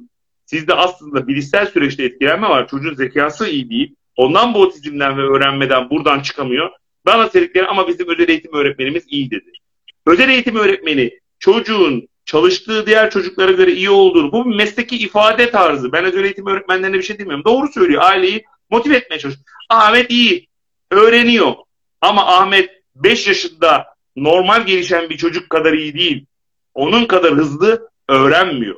Onun için çocuğunuzun öğrenme sürecini iyi değerlendirin. Öğrenmesi yavaşsa bu öğrenmenin hızlandırılması gerekiyor. Bunun da 6 yaş önce erken dönemde yapılması gerekiyor. Bazı böyle hani gördüğüm şeyleri hep böyle günlük hayatta yaşadığımız şeyler oluyor. Yani il dışından hasta geliyor. Bilişsel durumla ilgili bilgi verince hasta kopuyor. Bir hayal kırıklığı yaşanıyor. Yani şöyle 6 yaşında çocuk ben yeni değerlendirdim. il dışından geldi. 6 yaşında renk bilmiyor. Harf bilmiyor. iki basamak komut almıyor. Cümle kurmuyor. Organlarını da bazen söylüyor bazen söylemiyor. Şimdi bu çocuk 6 yaşında. Ne kabaca hani kabaca hiçbir şey doktor olmaya gerek yok. Ha, bu çocuk 2-3 yaşında çocuk gibi davranıyor. 2-3 yaşında çocuk gibi davranmak değil bu. Çocuğun potansiyeli 2-3 yaşında çocuk kadar. Evet. Ve insanlar böyle zeka hesaplamalarını çok karmaşık süreçler zannediyorlar. Zeka şu. Hep ben bu örneği veriyorum. 10 yaşında bir çocuğun 10, 10 yaşında bir çocuk 10 yaşında çocuğun yaptığını yapıyorsa IQ'su 100. Bu kadar basit standartize edilmiş bir şey. Eğer 6 yaşında bir çocuk 3 yaşında çocuğun yaptığını yapıyorsa bu çocuğun IQ'su kabaca 50 demek. Orta zihinsel yetersizlik tablosunda demek. Yani bu çocuk 3 yaşının üstündeki çocukların yapabildiklerini yapamıyor. Bir yuvarlağı çiziyor, bir kareyi çizemiyor, bir artıyı yapıyor, yapmıyor. Veya diyorsunuz ki ne yapabiliyor? Mesela çok standart bir şey. Hani aileleri de farkında olmaları açısından birazcık anlatıyorum. Karalama. 6 yaşında çocuk karalama yapmaz. 6 yaşında çocuk anne babasının resmini yapar. 6 yaşında bir çocuk karalama yapıyorsa kabaca 2-2,5 yaş gelişimini gösteriyordur. Çok basit. Aslında çocuklarda zeka değerlendirmeleri bazı kritik gelişsel, bilişsel basamağı öğrenmekle ilgili. Yani kalem kullanma, kalemi kullanabilme, bazı şekilleri çizebilme, insan figürleri çizebilme sadece bununla bile yapılan zeka değerlendirme testleri var. Sadece bir insan çizerek yapılan zeka değerlendirmeleri var. Çünkü çocukta 6 yaş öncesinde zeka değerlendirmesini yapmak o kadar kolay olmadığı için. Bir de şu var. Otizmli çocuklarda ilginç özelliklerden biri hiperleksi. Okuyorlar. Aileleri yanıltıyor. Çocuğun okuyabilmesi, çocuk 4 yaşında Arçelik diye okuyor. İyi bir şey mi? Hiç iyi bir şey değil. Bu şu demek. Otizmli bir süreç, bilişsel süreç devam ediyor. Çocuk okuyor ama Arçelik'in Arçelik olduğunu farkında değil. Barkod gibi okuyor. Mesela benim bazı hastalarım var. 5 yaşında çocuk okuyor. Ya bu işte zaman içinde hasta gördükçe, hasta gördükçe, hasta gördükçe sizi yanıltıyor. Ya diyorsunuz ki evet ya bu çocuk problem çözemiyor. E, zihinsel esnekliği gösteremiyor. Burada bilişsel bir süreç olduğunu düşünüyorsunuz. Ama aile diyor ki hocam okuyor. Ben de diyorum ki tabii daha gençken okusun. Okuduğu zaman okuyor çocuk gerçekten. Okuduğu zaman sizde bir hekim olarak tereddüt düşün. Ya adam okuyor. 5 yaşında adam okuyorsa burada bir birisi. Ama adam okuyor ama ne okuduğunu farkında değil. Okuduğunu muhakeme edemiyor. Zaten zeka dediğimiz şey muhakeme kabiliyeti. Bildiklerinde, gördüklerine işi çevirebilme, işi kıvırabilme e, kapasitesi. Yani bir otobüsü kaçırdığın zaman bir minibüse binip önüne geçmek veya başka bir hatta binip metroya atlayıp o kestirmeleri yapabilmek. Hayatta karşılaştığınız probleme çözüm üretebilmek. Yani insanlar şöyle zannediyor. Evet hocam çalışıyoruz, çalışıyoruz, renkleri öğrendik. Ya renkleri öğrenmek için çalışmanıza gerek yok. Renkler doğal öğrenme sürecinde çocuk oyunun içinde zaten onları öğrenmesi gerekiyor. Bu bazı öğrendiğiniz şeyler çocuğun sık tekrarıyla devam eden öğrenme süreçleri. Mesela yine aynı şey var. Bu paternler varsa uyanık olmak lazım. Öğreniyor, unutuyor. Çocuk öğrenip unutmaz. Renkleri unutmazsınız. Renkler hayatın içinde var. Yani nasıl kırmızıyı unutacaksınız? Yani tamam Çince kursuna gittiniz, kursu bıraktınız, Çinceyi unutursunuz. Hayat Çin'de değilseniz hayatın içinde Çince olmadığı için bunu unutmanız çok normal. Ama kırmızıyı, renkleri, dört ana rengi öğrendi, unuttu. Bu tamamen zihinsel yetersizlik belirtisi. Bunu unutmazsınız. Zaten çocuk mesela karalama. Aileler diyor ki hocam biz hiç karalama çalışmadık. Çalıştırmıyorsunuz zaten çocuklara. O bir kağıt alıyor, kalem alıyor. Kendine ait tutuş pozisyonları var. Önce omuzdan, sonra dirsekten, sonra yavaş yavaş tripod pozisyonuna geçip kendisi çizmeyi öğreniyor. Yani şu var. Otizmli çocukları değerlendirirken evet bütün dünyada böyle. Her şey otizm. Her şey otizm. Yani şu var. Bilişsel süreçler unutuldu. Kimse kognitif şeylerin farkında değil. Kognitif soru süreçler 7 yaşında 8 yaşında okula geldiğin zaman önüne geliyor. Ama bir adam kendisi bazı şeyleri öğrenemiyorsa, doğal öğrenme sürecini geliştiremiyorsa burada otizm değil, altta yatan, zeminde yatan bilişsel süreç önemli. Aslında zaten bu tartışılıyor. Acaba otizmli çocuklar artıyor mu? Yoksa şu var. Evet artıyor ama biz eskiden zeka geriliği dediğimiz, bilişsel, zihinsel yetersizlik dediğimiz çocukların bütün tanılarını kaldırdık. Bütün çocukların hepsine paket olarak otizm tanısı koyuyoruz. Otizm ama devamı yok. Bu çocuğun zihinsel süreci değerlendirilmiyor. Dolayısıyla ailede tamam diyor o zaman otizm ne yapacağız? Göz teması arttıracağız, sosyal etkileşim arttıracağız. Tamam sosyal etkileşim artıyor. Çocukla oynanıyor, kreşe veriliyor. Ama çocuk bunları yapabildiğinde konuşmanın da, öğrenmenin de peşinden gelmesi lazım. Çünkü sizde çocuk göz teması kurmaya başladığı zaman evet otizm bir süreç öğrenmeyi bozar ama sizde göz teması kurmaya başladığı zaman e, bir kitap okurken bile bu tavşan, bu timsah, bu kırmızı, bu sarı. Sarı balonu uçurdu, işte yeşil timsah. Zaten hikayenin içinde o renkler, o bilgi, bu pedagojik e, eğitim formasyonuyla hazırlanan kitapta onların öğreneceği şeyler onun içine yediriliyor. Zaten şöyle bir şey var. Mesela ben şunu da soruyorum. Tablet. işte tabletlere karşıyız. Tamam karşıyız doğru. Çocukların sosyal etkileşimini bozuyor ama şu var. Bir çocuk tablete maruz kalıp İngilizce kelimeler öğreniyor mu öğrenmiyor mu? Yani şu var. Renkleri öğreniyor mu? Mesela hocam diyor renklerin İngilizcesini Türkçesini bil. İyi bir şey. Demek ki çocuk öyle böyle bir şeyler kapabiliyor. Dışarıdan bir şeyler kapabiliyor. Ama tablette maruz kalıyor. Otistik özellikleri var ama öğrenemiyor. Bazen işte o çocuklar aslında başta zihinsel yetersizlik tablosunun üstüne sosyal tecrübe yetersizliğiyle otizmmiş gibi tanı alıyorlar. Aile de ondan sonra otizmin peşine gitmeye başlıyor. Etkileşim artıyor. Kreş adaptasyonu, kreş adaptasyonu her şey bitti. Çok iyi, çok iyiyiz derken sonra 5 yaşında işte benim gibi kötü bir doktora denk geliyor. Ben söylüyorum yani yapacak bir şey yok. Bizim tabii tarzım bu. Yapacak bir şey yok yani. Hastalardan özür diliyorum. Sizi üzebilirim, kırabilirim hani.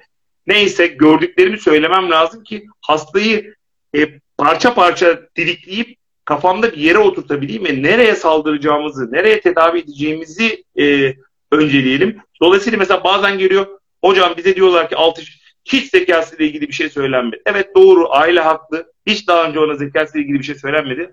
Siz anlattığınız zaman onlar da ikna oluyorlar ama tabii bu bir travma yaşıyorsunuz yani. Tedavi umuduyla size geldiği doktorda hiç bilmediği bir beklemediği bir tanı aldığı zaman zaten hastayla kopuyoruz. Yani. O artık zaten benle tedaviye devam edebilecek gücü kendinde bulmuyor. Çünkü yani diyor ki ya otizmden sıyrılıyoruz. Bir de Barış Hoca'ya gidelim. Bize bir iki ilaç versin. Çocuk toparlasın derken aa bir de zihinsel gerilik mi vardı bizim çocukta diye o tabloyla karşılaştıkları zaman onları toplamak zor. Onun için geldiğinizde, gelirseniz veya sizi değerlendirildiğinizde çocuğun her zaman bilişsel sürecini değerlendirin. Serin kanlı ebeveyn olarak arka tarafta bu süreci tartmanız önemli.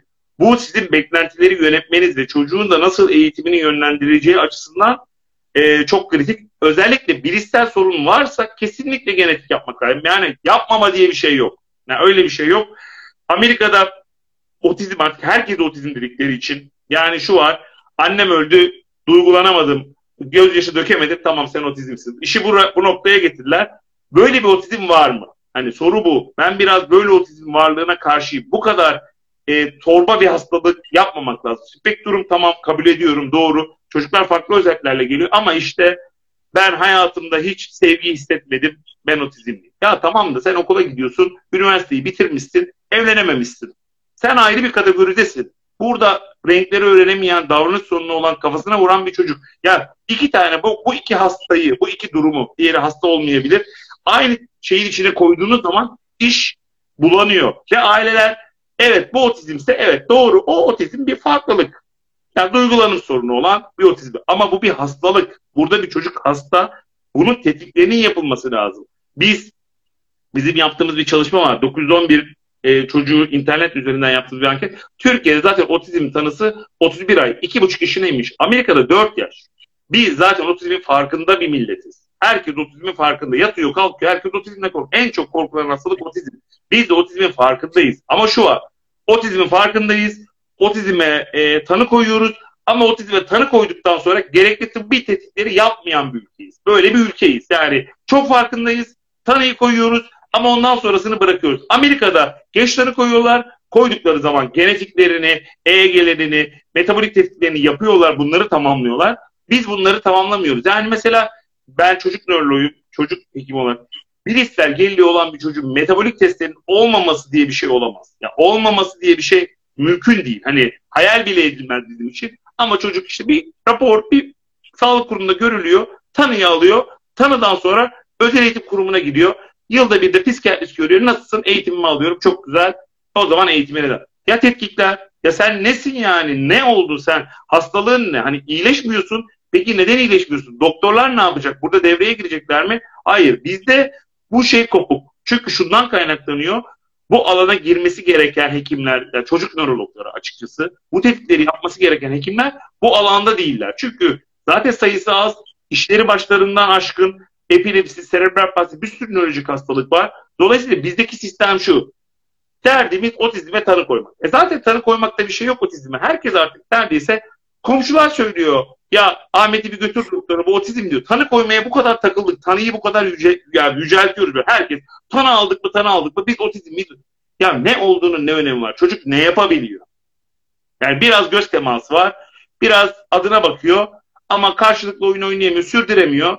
Evet otizm olabilir. Yani bu hani bu bile yeter. Yaşına uygun sosyal etkileşimi yok. Ama aslında çocuğun arka tarafında koskocaman bir bilişsel gerilik şeyi var, tanısı var. O tanı tamamen atlanıyor ve biz sadece tanının peşindeyiz. Tanıdan sonra da hiçbir tetkik yapılmadan hop kendimizi eğitimde buluyoruz. Hastalara da sorduğunuz zaman genetik tetkik mi? Ne genetik tetkiki? Ya bir de korkuyoruz genetik tetkikten. Bir şey değil. Biz sizi şu sende şu var demeye çalışmıyoruz. Çocuğun hastalığını bulmaya çalışıyoruz ki tedavi için elimizde bir done olsun. Oradan e, yürüyelim. Oradan çocuğa bir fayda e, sağlayalım. Tabii işte bu gittikçe bence genetikçilerin sayısı arttıkça, çocuk nörologlarının sayısı arttıkça bunları da aileler e, çocuk nörologlarından, genetikçilerden gidip bizim çocuğumuzda otizm var. Ya kardeşim bari bir fragilix bakalım bu erkeklerden. Yüzde iki yani yüz tane çocuğun ikisi fragilix. Bunun da bir tedavisi çıktı, çıkıyor. Yani birçok böyle tedavisi çıkmakta olan hastalık var. Bazılarının da tedavisi var.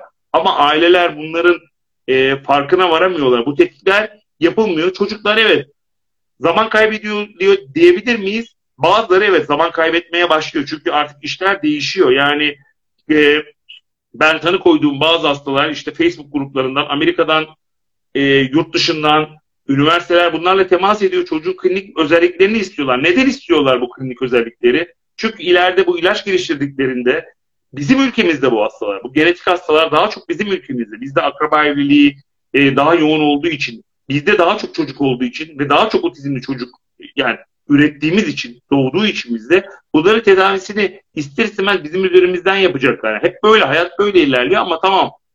Bu emin olun kutusuna konduğu vakit Fragile X'in bir tane ilacı kutusuna konup geldiği vakit 1 milyon dolar olacak. O zaman onu kimse ödemeyecek zaten. O zaman da işte SMA'lar gibi, SMA'ların var genetik tedavisi. Şu an ödenmiyor. Evet. Daha veriler yeterli değil. O bir tartışma alanı. Var ama bir tedaviler var. Bir kısmı ödeniyor, bir kısmı ödenmiyor. Şimdi şu var. Siz bu genetik tanıları erken koyarsanız belki ilaç bulunma aşamasında sizi lütfederler, alırlar. Çünkü ilaç bulunduktan sonra zaten buna biz ulaşamayacağız. Dolar artık ne kadar olduğunu takip etmiyoruz. Şu an bıraktık doları yani milyon dolarlık tedaviler geliyor ve sağlık sistemlerini bunlar zorlayacak. Yani her genetik hastalığın tedavisini belki ödeyemeyecek sistem ama bunların bazı ikame tedavileri de olabilir veya bazı erken alan e, te, e, tanı alan çocuklar önümüzdeki yıllarda bu çalışmalara katılıp en azından ücretsiz bu tedavilere ulaşma şansını e, elde edebilir. Onun için son cümle ne yapıyorsanız yapın çocuğunuza genetik tetkikleri tamamlayın. Genetik tanıyı aldıktan sonra da bununla ilgili tedavi opsiyonları açısından ben demiyorum otizmle ilgilenen ve en azından sizi dinleyecek bir çocuk nöroloğu bulursanız hani bu genetikle ilgili ne yapılabilir bir literatür değerlendirmesiyle çocuğun tedavi opsiyonlarını e, değerlendirmek lazım diye düşünüyorum. Bu kadar. Bugün diyeceğimiz herhalde sorulara yanıt verebiliriz artık. Evet, çok teşekkürler hocam. Kendi adıma e, çok da farklı bilgiler edindim. E, benim de 16 yaşında otizmli bir kardeşim var. Biz ilk tanılandığımızda mental retardasyon olarak tanımlanmıştık. O zaman vardı. Biz şöyle düşünüyoruz. Evet, şimdi sizin anlattıklarınız aslında bizim yolumuz doğru. Hacettepe takibindeydi. İlk nörolojiyle başlamıştık. E, genetik tahliller, metabolizma hepsi görmüştü ve e, bir yaşta aldığı tanı mental retardasyondu. İşte, Daha sonrasında. Tanısı olunca nöroloji devreye giriyordu. Ama şimdi sanki otizmlilerde bilişsel sorun yokmuş gibi bir algı ki %70'inde var. Olunca hastalar tetkik edilmeden o tetkik basamaklarını geçip ve böylece tanı alamayan birçok çocuk tanı kaybediyor. Yani bir, bir tanısı, bir tedavi şansı varsa onu yitirmiş oluyorlar. Şu anki durum bu. Evet, evet hocam çok haklısınız. Ee, şimdi sorular bayağı da bir soru yazıldı. Ee, kısaca aktarmaya çalışayım. Katkılarınızdan dolayı çok teşekkür ediyorum öncelikle. Ee, 5 yaşında otizm tanısı aldık. Sonrasında epilepsi tanısı da aldık. Risperdal ve e, Convlex kullanıyor demiş. Ee,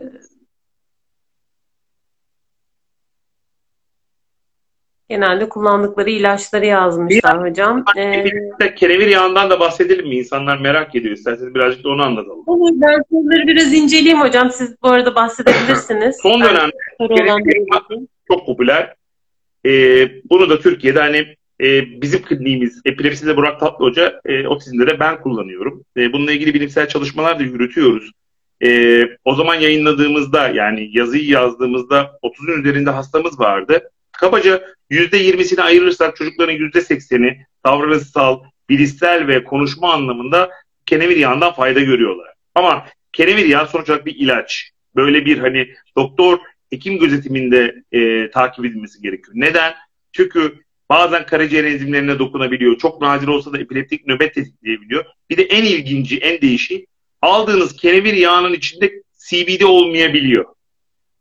Burada şimdi full spektrum hem bazı markalar var. Sanki içinde varmış gibi böyle ambalajlar yapıyorlar. Yurt dışında da var.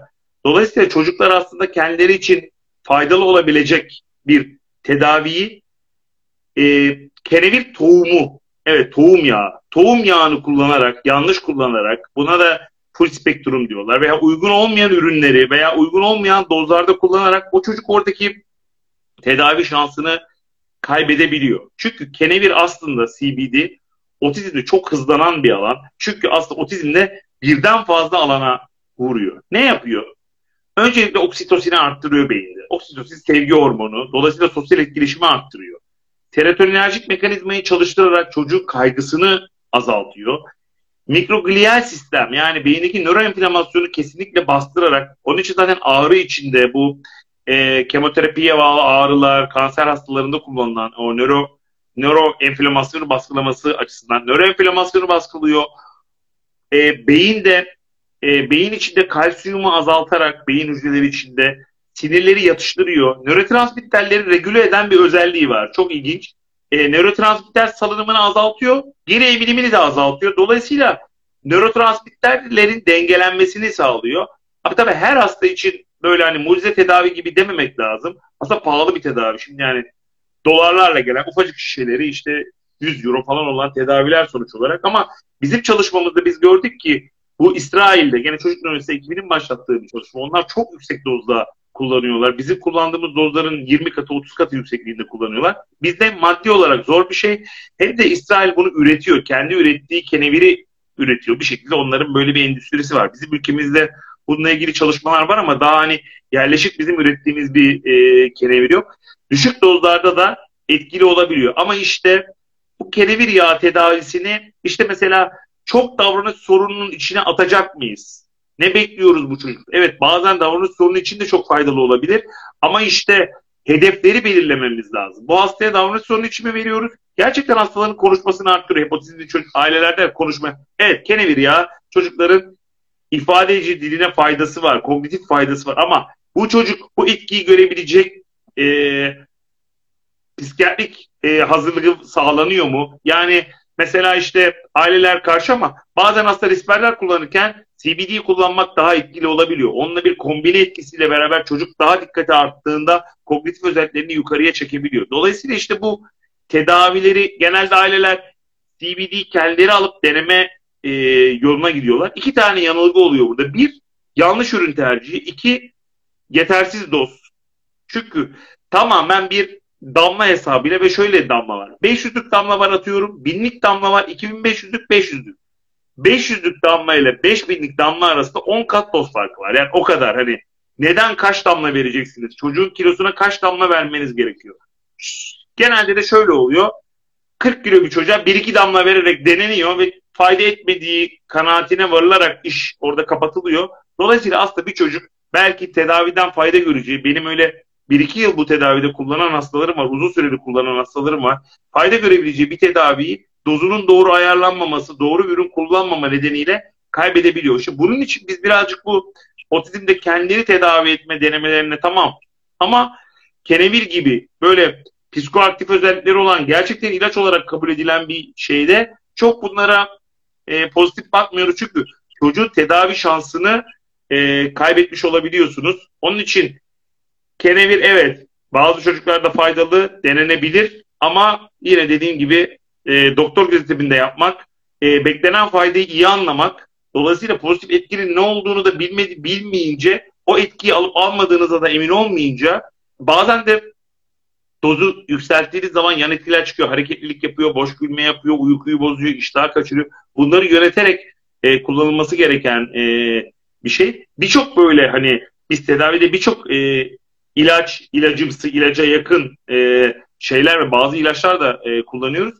Bunların yan etki şeylerini bilerek, profillerini bilerek e, gitmek çocuklara daha fazla e, yarar sağlıyor. Çünkü o zaman çocuklar CBD kullandım mı? Kullandım. Aslında kullanmadın. Kenevir e, tohum yağı kullandın.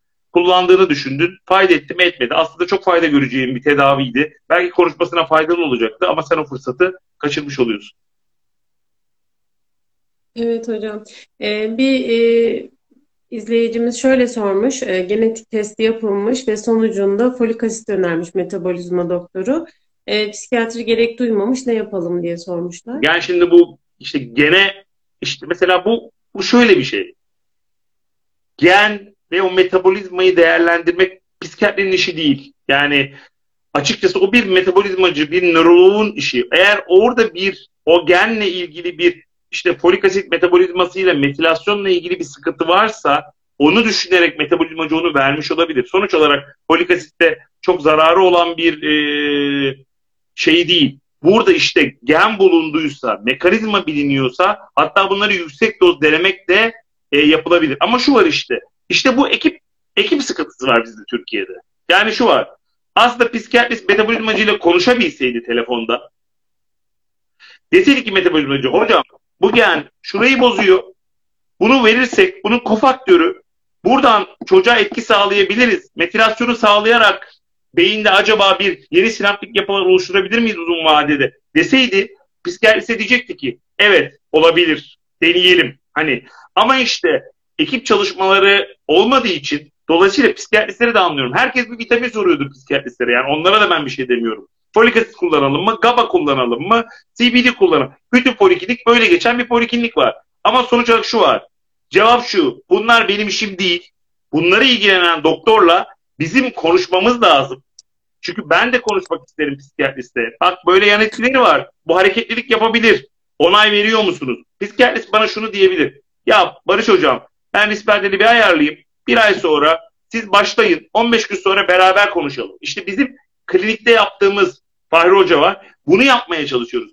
Doktorlar bu multidisipliner hastalarda daha doğrusu konuşmayız. Yani bizim kültürümüzde de böyle ekip çalışmaları çok e, hoş karşılanmıyor. Herkes sonuç olarak bir e, şeyi yapmaya çalışıyor. Yani bir e, kafasına göre gitmeye çalışıyor ama burada bir neden var. Genetik neden bulunduysa bu tedavinin peşine düşmek lazım. Sonuç olarak ama burada tabii ki o hastanın başka bir hekimin de sorumluluğu altında, psikiyatristin sorumluluğu altında burada ortak ekip çalışmasına ihtiyaç var. Belki işte böyle otizmle yani otizmle ilgilenen bir psikiyatrist olması gerekiyor. En azından şunu bilmesi lazım. Yani genetik böyle bir şey bu gen o gene bir bakabilir. Aa evet böyle bir şey var. Veya daha önce bu genetik işlere girmiş olsaydı daha önce belki bir hastası bunu kullanıyor olacaktı. Yani anladınız mı? İşte bu zaten ondan bahsediyorum. Yani otizmle ilgilenen nörolog, otizmle ilgilenen metabolizmacı, otizmle ilgilenen psikiyatrist. Bunlara ihtiyaç var. Yani sizin nörolog olmanız, psikiyatrist olmanız, metabolizmacı olmanız bu hastalıkla ilgilendiğiniz anlamına gelmiyor. Nasıl?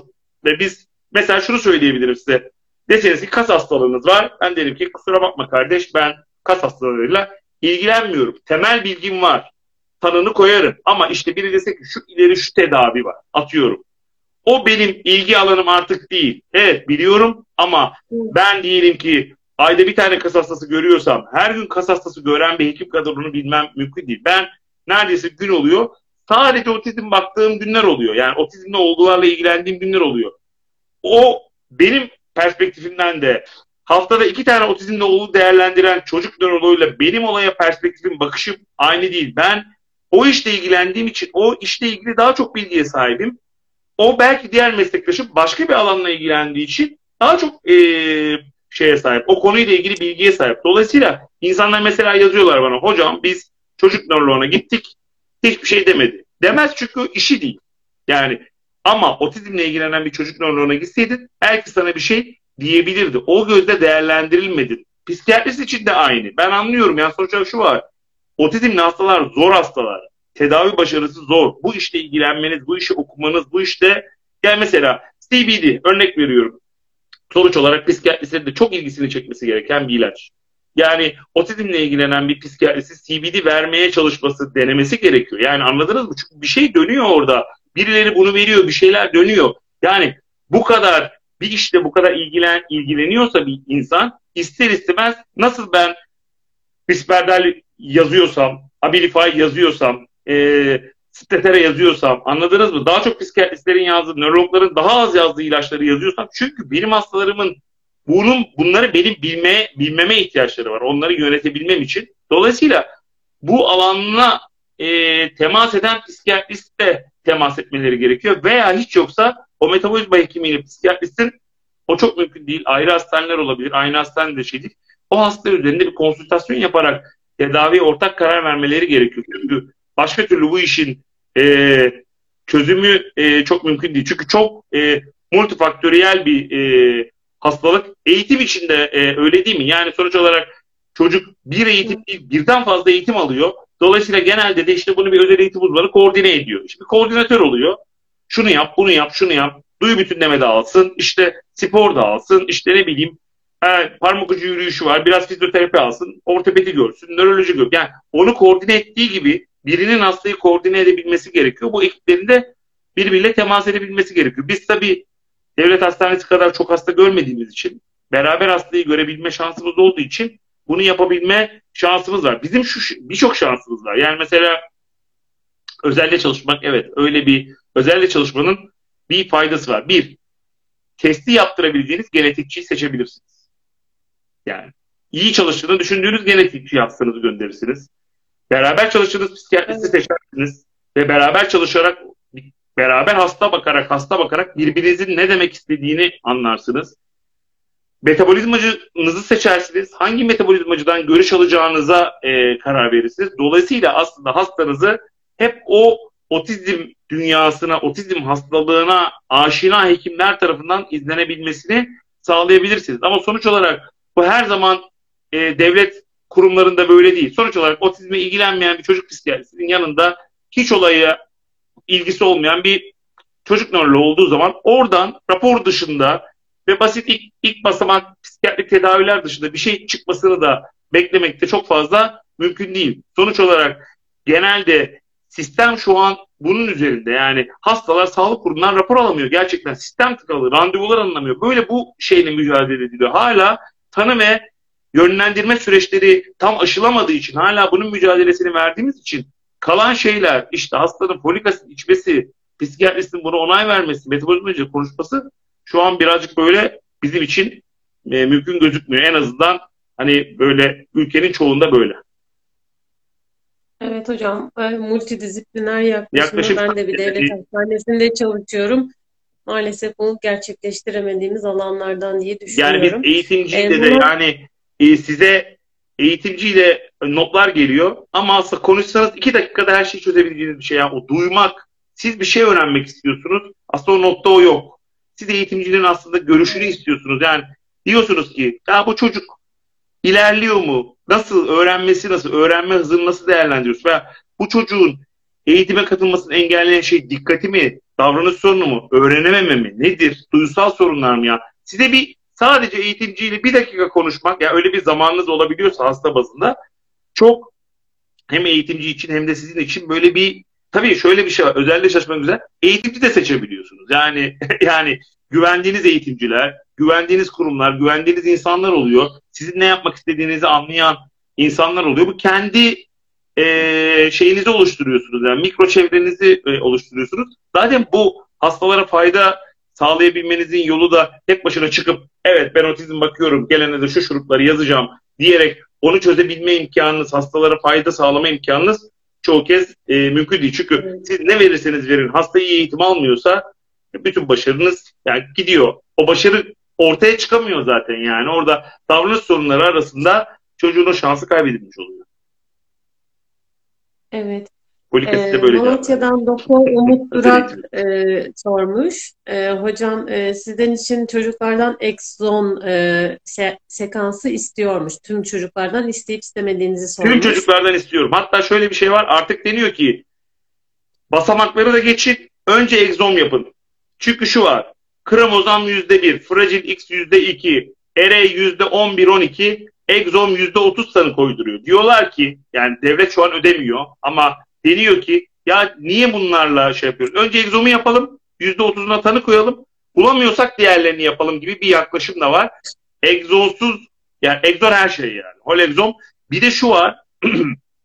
yani, trio mesela önerenler de trio da öneriyorlar. Yani anne baba çocuğun kanının aynı anda çalışıldığı e, modeller var. Ve genetikçinin de tabii bu işle ilgilenmesi ve buna bir mesai ayır, ayırması gerekiyor. Yani mesela ben çalıştığım genetikçi ya çocuğu görmesini istiyorum, muayene ederek tetkik istemesini ya da çocukla ilgili fotoğrafları, videoyu e, genetikçiye gönderiyorum. Ben ön tanılarımı söylüyorum. Bazen o e, o mesela birkaç gen buluyor. Şu olabilir mi, bu olabilir mi? Geriye dönüp hastaya tekrar e, bakma şansımız oluyor. İşte bunlar e, tanı oranınızı ve başarı oranınızı yükselten şeyler. Böyle hep ekip çalışmaları, hep aynı ekip sizin ne istediğiniz yani ısrar ediyorsunuz. Mesela ediyorum ben diyorum ki bu çocuk sendromik bir çocuk.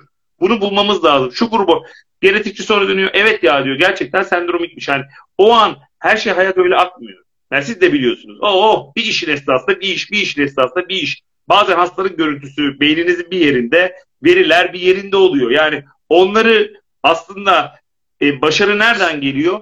Bilgileri e, oturtturup sorunu çözecek adama o bilgileri birleştirebilmeniz gerekiyor. Yani genetikçiye ısrar ederken ya bak abi bir fotoğrafını gönderiyorum. Sen şu çocuğa bir, bir daha bak dediğinizde genetikçi diyor ki evet ya haklıymışsın bu çocukta bir şey var. Buna bir tekrar tekrar bakalım. Onu orada kafasında o şeyi ışığı yaktığınız zaman oradan bir e, tanıya gitme şansınız oluyor. Ama yani o yoğunluk içinde her hasta o şeyi alabiliyor mu? Her hasta o şeyi alamayabilir. Dolayısıyla bir de şu, genetikte genetik testlerin kaliteleri var. Database'ler diye bir şey var. Yani 3 sene önce bana genetik test yapıldı bir şey çıkmadı. Tekrar yapılması lazım. Çünkü 2 senede bence genetik testler şeyini kaybediyor. Özellikle VES 2 senede bir mümkünse yenilenerek yeni kanla yapılması gerekiyor. Çünkü o kadar hızlı ilerleyen bir teknoloji ki yani aletlerin yani bu şey gibi size tahlili tüplü televizyonla yapmışlar.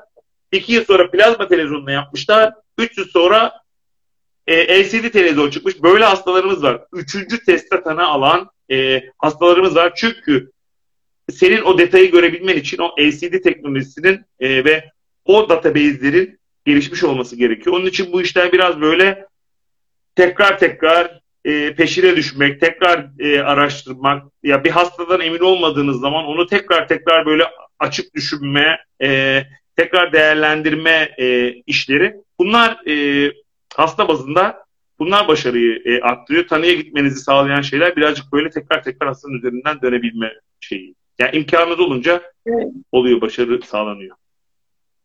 Evet, bunu da sormuş zaten e, izleyicilerimiz. Genetik tahlilin yapıldığı yer ve zaman olarak bunu zaman, açıklamış yani, oldunuz. Çok yer iyi Türkiye'de gittikçe de iyileşiyor. Ama zaman önemli.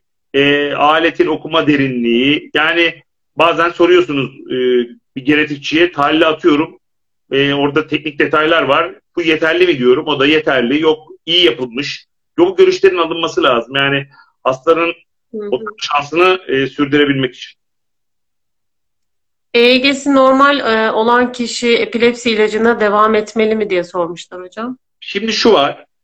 Eğer bu çocuğun EEG'si bozuksa ve epilepsi ilacı başlandıysa ve buradan davranış ve kognitif olarak fayda gördüyse evet bir süre bu çocuğun e, bilisteli bir yere yerleşene kadar mesela 2 yıl 3 yıl bu ilaca devam ederim ben. Çünkü çocuk bundan fayda görüyor. EEG'si düzelmiş e, olsa dahil. Bir de şu var EEG'ler bazı yaşlarda bozuluyor. Her e, otizmli çocuğun bir 10 yaşında, 11 yaşında tekrar EEG'sinin çekilmesi gerekir. Çünkü o dönem bir tekrar bozulmaların yaşandığı e, bir dönem. Onu atlamamak gerekiyor. EEG'de de 2 yaş, 5-6 yaş, 10 yaş gibi böyle aralıklarla e, tekrar edilmesi gerekiyor. Çünkü böyle otizm gerçekten e, insanı şaşırtan bir hastalık taburcu etmeye yaklaştığınız bir hasta bir anda çok dramatik regresyonla gelip sizi üzebiliyor. Yani ya benim böyle hastalarım var. Çocuk otizm tablosuyla gelmiş eğitimler falan. Ben demişim ki spektrumdan çıktı. İyi ki bir tek ben dememişim. Psikiyatrist görmüş, birkaç psikiyatrist görmüş. Herkes çok iyi, çok iyi derken çocuk tekrar bir böyle bir dönemle ne olduğu anlaşılamayan bir dönemle tekrar gerileyebiliyor. Yani böyle bir sizi sürekli yanıltan, sürekli sınayan e, bir hastalık. Dolayısıyla onun için hiçbir zaman tek tahlile, tek zamanda yapılmış bir değerlendirmeye güvenmeden e, hastada istediğiniz ilerlemeyi e, sağlayamıyorsanız tekrar EEG, uzun tüm gece EEG çekip bir şey bulmaya çalışmanız lazım. Yani hep bir ipucu peşindeyiz. Neyi tedavi edeyim? Ben burada nereye e, dokunayım ki bu çocuğun e, hayatını değiştirebilecek bir dokunuş e, sağlayabileyim? Onun peşindeyiz. Yani e, tabi bazen hiçbir şey bulamıyorsunuz. Bazen de klinik şeyler. Bazen de öyle oluyor ki ya diyorsunuz bu bu Ahmet Mehmet'e benziyor. Ahmet'e şu iyi gelmişti. Şunu denesem de yapıyorsunuz. Bazen o da bir e, şey. Bu da işte o hasta kilometresiyle alakalı. Yani ne kadar çok ben hep aslında benim hayalim sabahtan akşam otizmli çocuk bakmak. Yani bir gün gelecek inşallah sekreterim diyecek ki Barış Hoca sadece otizmlere bakıyor. Hep otizmlere bakıp çünkü baktıkça başarınız artıyor. Mesela kendimin notlarını okuyorum. 3-4 yıl önce bazen yanlış düşündüğümü fark ediyorum. Yani yanlış düşünmüşüm. Bugün olsam böyle yapmazdım. Bugün olsam böyle başka bir yerden tedaviye yaklaşırdım diyorum. Çünkü gördükçe çünkü şöyle bir şey var. Bazı hastalarda tedavi ettikçe yanıtlara göre siz de öğreniyorsunuz. Böyle bir, bir şey var yani size sürekli öğreten bir hastalık. Hani hem aile öğretiyor hem de hekimlere sürekli öğreten bir hastalık. Biraz böyle şey bir şey. Bazı hastalarda tutturduğunuzda inanılmaz iyi oluyor. Bazı hastalarda da yani o zaman başaramamış olabiliyorsunuz. Belki şimdi görsem daha etkili olurum. Belki 4 sene sonra çok çok daha iyi olacağım. Hani o yaşta öğrenilen bir şey. Yani klasik bir e, tedavi e, değil. Yani klasik bir tedavi yaklaşımının çok da etkili olduğunu düşünmüyorum. Onun için ya bazen insan e, yoruluyor da yani başarısız olduğun bir dönem geliyor. Yani birkaç hastayı böyle toplayamadığınızı görüyorsunuz. İnsanı böyle e, üzüyor. Bazen de bir çocuk geliyor böyle çak çak diyorsunuz. Ne yapmışız ya biz yani süper olmuş diyorsunuz. O sevindirici bir şey ama üzüldüğünüz o böyle bir yani şey bir hastalık değil ne derler. Böyle verelim olsun jeton makina ilişkisi e, her zaman çalışmıyor maalesef. Eğitim için de böyle yani bazen bir eğitimci devreye giriyor. Çocuğun hayatını değiştiriyor. Çok şaşırıyorsunuz yani. Nasıl bu çocuk böyle oldu?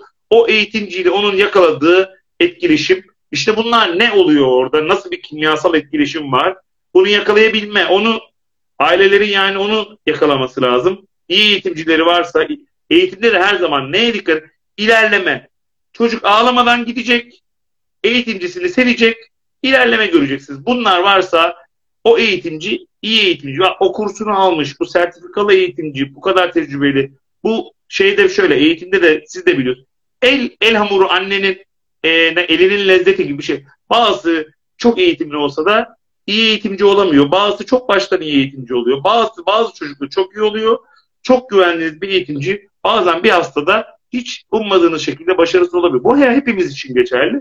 Onun için burada böyle daha çok çocuk eğitimci ilişkisi ve ilerlemeyi değerlendirmek, çocuğun ağlamaması, strese girmemesi ya bizim için de öyle. Yani fayda etmiyorsak zaten onu ben söylüyorum hastalara. Edemiyoruz size bir fayda. Hani deniyoruz. Fayda üretmemiz lazım. Oradaki hedefimiz hastaya fayda üretmek. Yoksa başka onun için bu işi yapıyor. Bu işi fayda görmek, hastaların fayda görmesi için yapıyoruz. Evet. E, benzer bir soru var. Şimdi bu yayını dinleyen otizmli çocuğu sahibi olan e, ebeveynlerde bence şöyle bir şey oluştu. Genetik bir inceleme yaptırmadılarsa e, hemen yaptırma hemen isteği yaptır. ve e, evet e, geç kaldık mı diye sorular var hocam. Bunun için bir yaş Yani yaş mı? hiçbir önemi yok yaşın. Bence yani erişkinlik dönemi dahil tahliller yapılabilir. E, kime ne tedavi çıkacağını tedavi boyutu için. ve ne olacağını yani Allah biliyor. Şu an bazı tedaviler var. Yani der, hani böyle bir eşiğin kenarındayız. O eşik açıldığında bir anda bir sürü tedavilerle karşı. Şimdi de tedaviler var. Gittikçe de gittikçe de gittikçe de elimizdeki silahlar e, kuvvetleniyor. Dolayısıyla e, zaten genetik tetkikler de e, anca ülkemizde yeni yeni oturuyor son 1-2 yıldır. Dolayısıyla artık bundan sonra ileride de muhtemelen psikiyatristler de bu işler genetikten arttıkça arttıkça arttıkça arttıkça bir süre sonra onlar da tamam nöroloğa göndermeyebilirler ama bir genetikçiye gönderecekler ve en azından genetiklerin yapılmasını isteyecekler. Belki tanı aldıktan sonra e, nöroloğun izlemesini isteyecekler. Evet, Almanya'dan bir izleyicimiz demiş ki nörofeedback tedavisi alıyoruz. Ee, sizin bakış açınızı merak etmiş bu tedavi hocam. Ben de nörofeedback ile ilgili çalıştım. Ee, otizmle ilgili bir ev, e, Türkiye'de geçilen bir ev programı vardı. Yani 10 civarında hastamda da uyguladık. Yani şu var, dikkate faydası olduğunu düşünüyorum ama hani otizmin böyle ön saflardaki tedavilerinden e, biri değil ama dikkate ve iyi kognitif düzeyi varsa çocuk eğer onu koopere olabiliyorsa evet biraz bilişsel dikkat öğrenme mesela disleksi açısından ve öğrenme açısından e, faydalı olabileceğini e, düşünüyorum ama e, tabii çocuklar için uygulamak birazcık hani e, zor cihazı tutmak, koopere olmak e, açısından.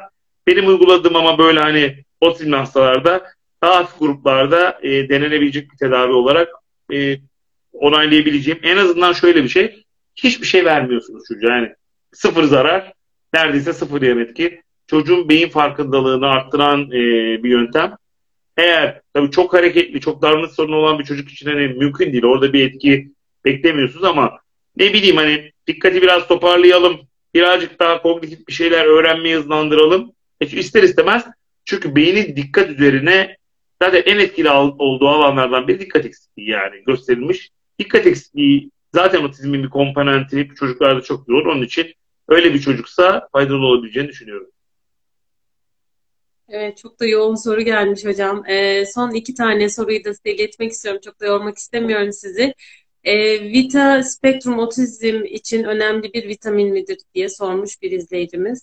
Ya şimdi Vita Spektrum hocam birçok vitaminin içinde olduğu bir e, vitamin. E, normalde de metabolizma doktorları e, öneriyor. E, burada şu şu yaklaşım var. Yani e, bir şey verelim. Eğer çocuğun e, bir eksiği varsa yakalayalım ve bunu böyle bir kokteyl halinde vererek yani bu multivitamin tedavileri e, deniyor. Ben çok böyle yaklaşımı e, uygulamıyorum. Ben daha çok tek tek e, hedefli e, tedaviler e, peşindeyim. Hani verip neyin etkili olduğunu bulmak. Çünkü şöyle bazen gerçekten bir hastanız beta spektrumdan fayda görüyor ama hangisinden fayda görüyor? İşte 40 tane şey var. İşte orada sıkıntı başlıyor. Yani bir fayda var. Bu fayda nereden geliyor? Biz bu faydayı güçlendirmek için hangi vitamini arttıracağız? Yani öyle bir e, şey var ama şu var. Hani işte mesela çocuk CBD kullanmak yerine Vita Spectrum ailenin alıp kullanabileceği hani bir e, e, vitamin desteği gibi otizmli çocukların işte eksik olduğu düşünülen veya işte nörotransmitter yapısına katılan bazı vitaminlere özel e, bir formül.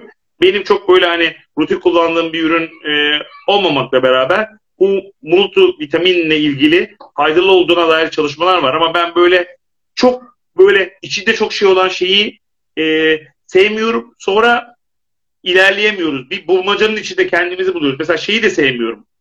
Bir hastanın üçten dörtten fazla bir şey kullanmasını sevmiyorum. Neden fayda ettiğini anlamak istiyorum ki onun üzerinden e, yürüyelim. Onun için böyle çok böyle onlu yirmili tedaviler e, taraftarı değilim. Bu yaklaşım tabii olabilir ama vite spektrum hani pozitif bir şey demiyorum. Evet. Son soru olarak da şunu e, ileteyim hocam. Genetik test sonucumuz Klerstra sendromu tip 2 e, tedavisi var mı diye sormuşlar. Klerstra evet. Son dönemde daha da gittikçe artıyor. Benim de 2-3 tane e, hastam var. Evet bunların birkaç e, mekanizma ile ilgili e, tedavileri denenebilir bu çocukları. Bu çocuklar biraz fazla hareketli stereotipleri falan yoğun oluyor. Benim en azından hastalarım e, öyleydi. İşte bunlarla ilgili e, çalışmalar da yürütülüyor. Bu böyle hani e, özellikle Almanya'da herhalde bir merkez e, bunlarla ilgili e, çalışmalar yürütüyor. Şu an bir tedavi e, yok ama e, dolayısıyla bu hastalara işte yeni bulunmuş bu geni değerlendirip bu hastaya nasıl bir tedavi yapmak gerektiği ile ilgili bir yol e, çizmek gerekiyor. Böyle hani hastalar bana soruyor şu gen bu gen hani o kadar çok gen var ki hemen tak diye şu diyemiyorum. Var Klefstra e, ikilerim. E, onlara tedaviler verdim. Ama açıkçası hepsinin başka e, bir mekanizması olduğu için e, tekrar Klefstra 2 ile karşılaşırsam hastalarımı da biliyorum. Bakacağım ne vermişim. Fayda gördüler çünkü ona da o tedavi uygulamak gerekiyor. Evet, size nasıl ulaşabileceklerini sormuşlar. Benim Ee, adım Barış Barış Ekici işte Google'a yazacaklar. Aynen. Evet, bu şekilde ulaşabilirler. O şekilde Hocam çok ulaşabilirler. teşekkür ediyorum. Ben teşekkür ederim. Ee, benzer sorular gelmiş. Ee, çok da yormak istemiyorum sizi. Değerli bilgileriniz için ve Herkese yayın iyi telimizi akşamlar kırmadığınız için. Genetik testleri Çok e, buradan vurgu yapalım. İnşallah Türkiye Otizm camiası da şu genetik testleri Evet. yaptırır artık. Çocuklar tanı alırlar ki biz de biraz tedavide yol kat edebiliriz diyeyim yani. Sizin sayenizde. Çünkü burası çok e, Tabii ki. etkili bir platform Bence olduğunu çok güzel bir farkındalık oluştu bu yayınla hocam. Ee, daha sonra YouTube'a da yüklüyoruz bu yayınları. Çünkü bazen izleyemiyor kişiler.